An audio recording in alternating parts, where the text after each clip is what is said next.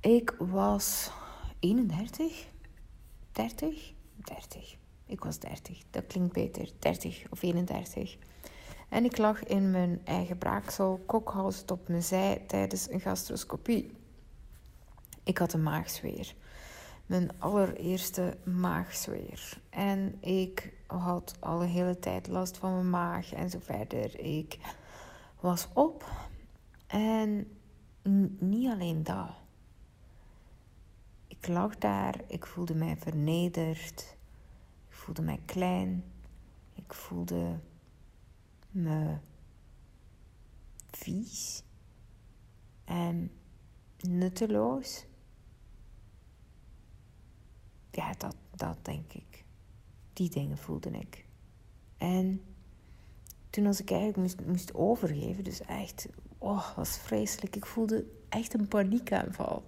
Dat ding zat in mijn, in mijn keel, die buis, en ik kon niet ademen. En ik, ik was echt bang dat ik ging doodgaan. En het ding was, ik had niet het gevoel dat ik ging doodgaan door die buis.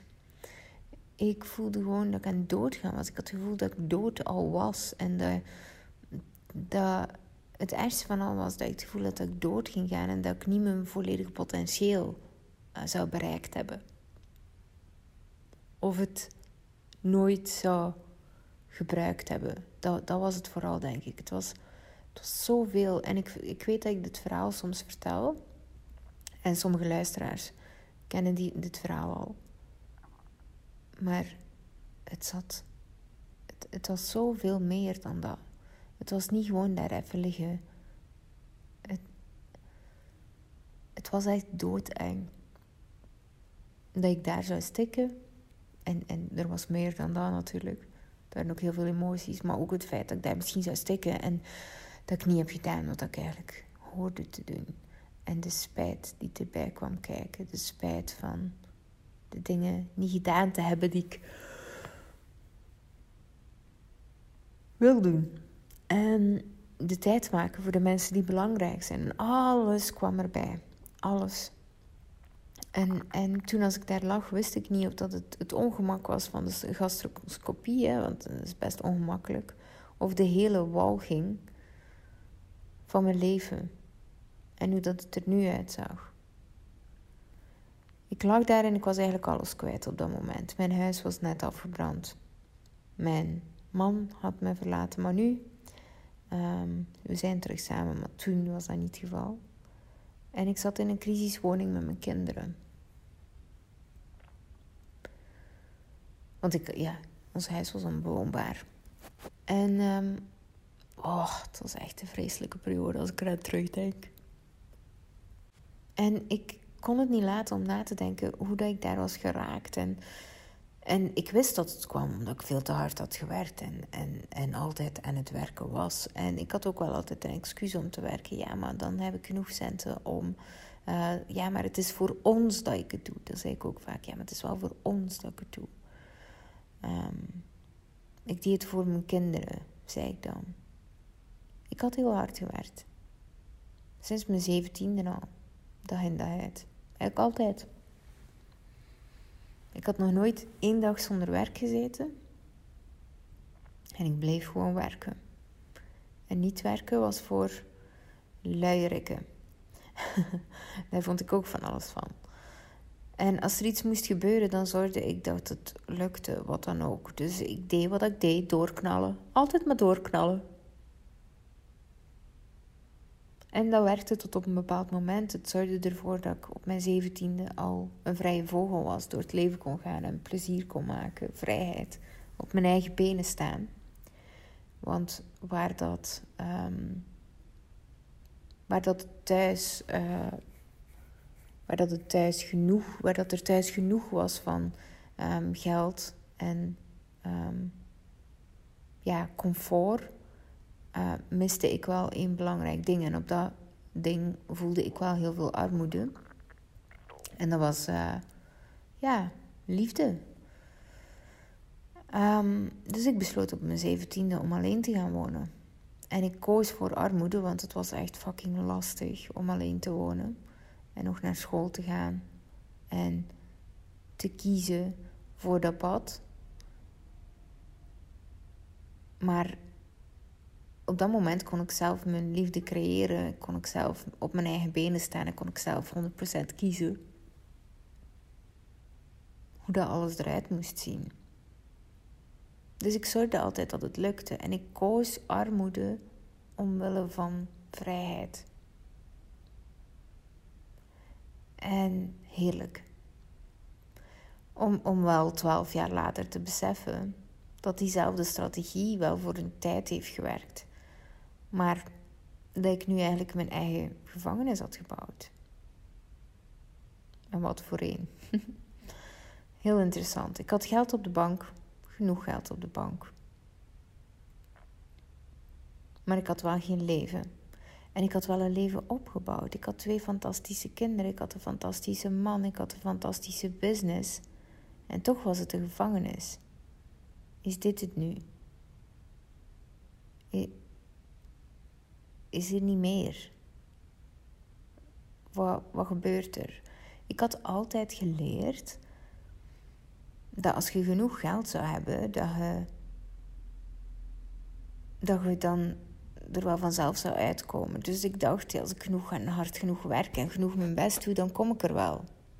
Dus daarvan kwam die, is dit het nu? Want, want ik was hier, hallo, ik ben aan de finishlijn. Nu ben ik er. Wat gebeurt er? Waar, waar is mijn medaille? dat. Ik had geld op de bank, maar geen leven. En ik wist het ook echt allemaal niet. Wie ben ik nu eigenlijk? Wat kom ik hier nu eigenlijk doen op de wereld? Wat, wat is het nut? Wat is het nut? Dat. En ik was niet depressief of. Um, maar ik wist het gewoon niet. Ik wist het gewoon oprecht niet. Waarvoor dien ik? En ondanks dat ik dus in armoede heb geleefd en mensen heel vaak vragen naar die periode, hoe was dat? Dat was wel interessant. Dat, daar weten mensen graag dingen over, daar vragen mensen dingen over. Maar ik kan u vertellen, want mensen denken dat dat een hele donkere periode was. Voor mij was het helemaal niet. Het was een leuke periode. Ik kan u vertellen dat mijn donkerste periode de periode was met geld om, net omdat ik altijd geleerd had dat als ik genoeg geld heb, dan dat, ik vrij zou zijn. En de wake-up call, het idee dat het niet waar is, die, dat kon ik niet dragen. Ik voelde echt mijn been, ik was echt wiebelig. Ik kon het helemaal niet dragen. Ik, ik wist het gewoon niet meer. Ik was niet vrij. Ik was gevangen. En ik kon ook niet minder stukjes tijd en energie ruilen voor geld en dus ook mijn ziel op het einde van de rit. Ik kon niet minder, want dan kwam er geen geld meer. En ondertussen had ik zo'n leven opgebouwd dat er meer nodig was. De rekeningen moesten betaald worden. En ik was een schim van die sexy, mooie, aantrekkelijke, grappige. Ja, soms kan ik echt wel grappig zijn. En sterke vrouw die ik ooit was geweest. Ik verzorgde mezelf niet meer. Ik was een vod. Echt een vod. Dus het was ook niet zo vreemd dat men nu mij verliet in die periode. Ja, als ik nog niet eens om mezelf geef, waarom zouden andere mensen dan mij geven? Ik was zo gevangen. Iedereen ging over mijn grenzen. Klanten, oh, Manu, mijn kinderen. Overal waar dat kwam, gingen mensen over mijn grenzen. Ik voel mezelf, en, en dat is het, hè. We leren soms communicatietechnieken en weet ik veel wat. Maar eigenlijk was het gewoon ik die mezelf zo onbelangrijk vond, dat ik mezelf maar wegcijferde. Tot in het extreme toe. Simpelweg niet Simpelweg omdat ik niet zag wat ik hier kwam doen, wat ik kon zijn, wat mijn potentieel was. En ik, ik zei het, andere mensen keken naar mij alsof, ehm, alsof dat, dat potentieel er al was, alleen zag ik het niet. Mensen keken naar mij op en ik kon alleen maar denken: oh,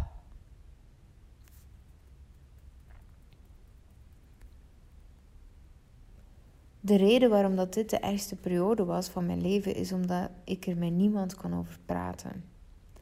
Als je geld hebt, dan vinden mensen dat je niet te klagen hebt. Het is een luxe probleem. Ik weet nog dat ik aan tafel zat met een vriendin van mij en dat ik vertelde van, oh, die klant, hè, ehm, ja, die verwacht dit van mij en dat van mij. En die stuurt mij om 11 uur s'avonds nog bericht. En ik antwoord dan nog: Het is nooit genoeg. Dat was het ook. Het was nooit genoeg. Iedereen ging over mijn grenzen. Is mijn eigen verantwoordelijkheid natuurlijk, maar zag ik toen niet. Ik deed alles voor mijn klanten. Binnen 24 uur kreeg ze een foto's en weet ik veel wat. Maar ah, echt, ik ging er zo los over. En dan weet ik nog dat, dat ze zei tegen mij: Maar Kim, allee, je hebt toch niet te klagen? Je hebt toch meer dan genoeg? Je, je verdient zoveel geld. Het is toch normaal? Je mocht toch een klein beetje um, service verlenen aan je klanten. En ik werd echt zo misselijk toen als ze dat zijn. Ik voelde mij ook heel onbegrepen. Ik had zoiets van, ja, ze, zal wel gelijk hebben. Dat was het ergste. Ik geloofde dat mijn vriendin gelijk had. Ik geloofde dat het waar was dat, dat waar was dat ik mezelf volledig moest wegcijferen voor geld. Dat noemen ze prostitueren. Iets wat de meesten onder ons doen. Ons laten prostitueren voor geld. Want de baas heeft gezegd, de klant heeft gezegd. en voor wat pikken we het? Voor geld. Ligt niet aan geld, ligt aan onszelf. Omdat we onszelf niet naar waarde schatten. Ik voelde me zo onbegrepen, want van zodra dat je geld hebt, dan vinden mensen dat je je mond moet houden. Je hebt toch niet te klagen. Ik besloot dat ik wel te klagen had. En dat ik wel mocht. Maar dat ik het wel zelf in de hand had. Dat ik het wel zelf zou moeten doen dat ik zelf de stukken zou oprapen. En uiteraard met hulp. Ik heb heel veel hulp gehad. Ehm, dat het tijd was voor een transitie. Een overgang, een nieuw hoofdstuk. En gaan onderzoeken wat het dan wel is. Een blanco blad. Een blanco blad. En eigenlijk toen als ik besefte dat ik een blanco blad kreeg, dat was hetgeen waar ik het meest. Ik wou gewoon opnieuw beginnen. Ik had een tekening gemaakt, ze was af. Ik had, het was af, de finishlijn was bereikt. Ik had een tekening gemaakt en ik werd er niet blij van. Ik vond ze niet mooi. Ik was ergens uh, blijven doortekenen. Je kent dat wel als je... Ja, ik heb schilderkunst gestudeerd, dus je tekent dan. En dan weet je, oh, nu moet ik stoppen. Want als ik nu ga voortdoen, dan verneuk ik ze. Dat had ik gedaan. Ik had ze verneukt door in de details te zitten prutsen en te blijven doorgaan. En nu had ik een blanco blad nodig. Dus ik koos een blanco blad. En ik begon opnieuw. Als ik mag kiezen, hoe mag mijn leven er dan echt uitzien? Hoe mag het voor mij? En ik ging bouwen. Ik ging bouwen, ik ging bouwen, ik ging bouwen. Bouwen, bouwen, bouwen. En ik zei nee tegen alles wat aan mij niet diende. En ja tegen alles wat dat me dichter bracht bij mijn nieuwe blad, mijn nieuwe tekening. Als ik mag kiezen, hoe zou mijn leven er dan uitzien? En twee jaar later, op mijn 33ste, en dat weet ik wel zeker goed, was zelf nog ietsje vroeger, was ik financieel vrij. Financieel vrij betekent dat je vrij bent op basis van dat je niet meer hoeft te werken eigenlijk. En dat je als je dat wilt, een blanco agenda hebt. En dat ik dus kon spelen, kon doen. Door eigenlijk echt te zorgen dat mijn leven op de juiste manier was ingedeeld, hoefde ik niet meer te werken. Maar niet werken werkt niet. We zijn niet gemaakt om niet te werken. We gaan altijd willen werken. Ons een van onze basisnoden is bijdragen, hoort je mij wel vaker zeggen. En we zijn hier op de wereld voor ons talenten te gebruiken. En dat ben ik gaan doen. En vandaag ben ik 35. Ik mag elke dag kiezen wat ik doe. Ik neem deze podcast op en mijn kinderen zijn net thuis, maar nu is ze gaan halen, dus ik ga zo naar beneden. Ehm, ik dacht, ik neem hem nog snel even op terwijl dat Manu erom gaat. Ik kan kiezen wat ik doe. Ja, ik kom zo. Ik hoef niet meer te werken. Ja, ik moest even terugroepen, want ze riep mij. maar um, uh, doordat ik niet meer hoef te werken voor geld, doe ik 200% wat ik graag wil doen. Ben ik blij als mijn kinderen de deur heen binnenkomen en um, keihard aan het zingen zijn. Weet ik veel wat hij aan het zingen is. En nu leer ik dat precies aan andere mensen. De tijd maken, de ruimte maken voor alles wat ertoe doet. En, en hoe kun je vanuit die transitie gaan naar vrijheid? Dat is wat ik doe. En um, ja, dat leer ik in Freedom Unlocked. En ik ben zo trots dat ik een programma heb gemaakt waar dat ik alles tackle wat dat ertoe doet. Tijd, vrijheid, geld, energie. En dat je eigenlijk op die manier echt kunt gaan bouwen aan je vrijheid. Dat is wat ik mensen leer. En de deuren zijn open. Ze zijn nog even open. Ze zijn open tot, moet ik even denken, 6 maart. Ze zijn open tot 6 maart. Um, maar als je zoiets hebt van fuck, ik voel dit, schrijf dan nu al in. Ga niet zitten wachten tot 6 maart. Want voordat je weet, is dat gevoel dat je nu hebt helemaal weg. Um, en nu voelde hem. En uiteraard hè, is er een verschil tussen keihard um, gaan reageren op FOMO of uit angst dat je iets mist. Maar er is ook iets als intuïtie, een klein stemmetje dat elke keer opnieuw zegt van ja, doe maar. En als uw ego daarna de kans krijgt om je te beschermen en niks te veranderen aan het huidige leven, want je hebt toch genoeg, dan zit je zo weer in de rat race en dan blijf je daar zitten. En um,